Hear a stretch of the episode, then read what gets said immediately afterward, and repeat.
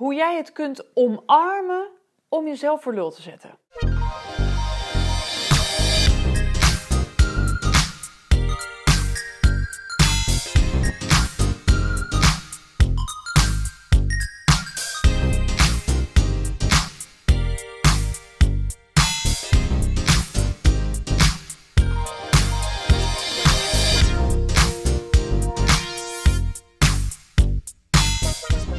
Hoi, ik ben Eva van Pak je Podium en ik wil jou leren hoe je jezelf kan presenteren en jezelf kan neerzetten als de expert die je bent. En ik gebruik daar vaak voor de flamingo.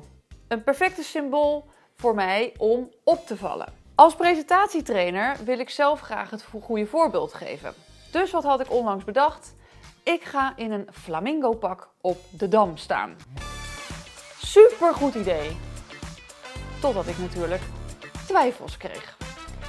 Ik wil je graag in deze video uitleggen hoe ik over mijn eigen twijfels heen ben gestapt en hoe jij zelf je los kunt koppelen van allerlei uh, kritische stemmetjes en toch tot actie over kunt gaan om jezelf te laten zien. Toen ik het idee had om in een flamingo pak op de dam te gaan staan, dacht ik echt, dat is echt hilarisch. En ik surfde gelijk naar uh, feestwinkel.nl en ik kocht een flamingo pak. Maar toen de dag eenmaal zover was dat ik het ging opnemen, ik had een cameravrouw geregeld, kreeg ik ineens koudwatervrees. Want ik dacht bij mezelf, het pak is niet professioneel genoeg. Ik dacht, oh nee, dit ziet er zo amateuristisch uit. Ik moet echt zo'n soort Braziliaans carnaval flamingo hebben.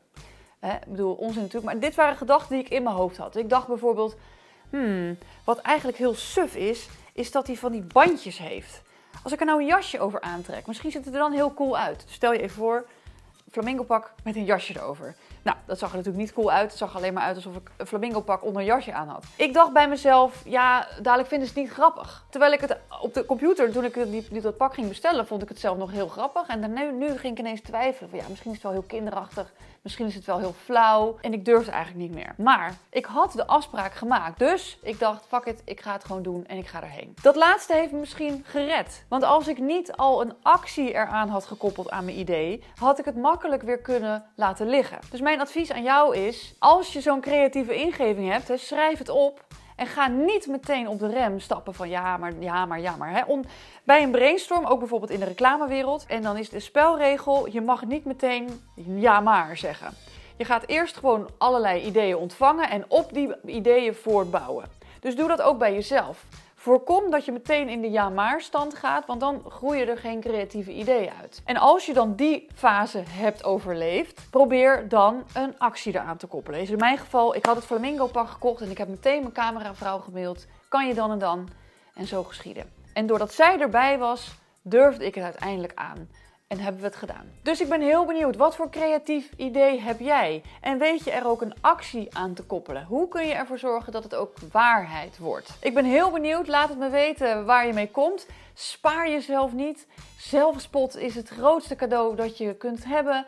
Dus laat jezelf volop zien, want alleen dan val je op. Ga anders ook even naar mijn website evabrouwer.tv en daar kun je ook inschrijven voor gratis presentatietips, zodat je echt all the way gaat. Pak je podium!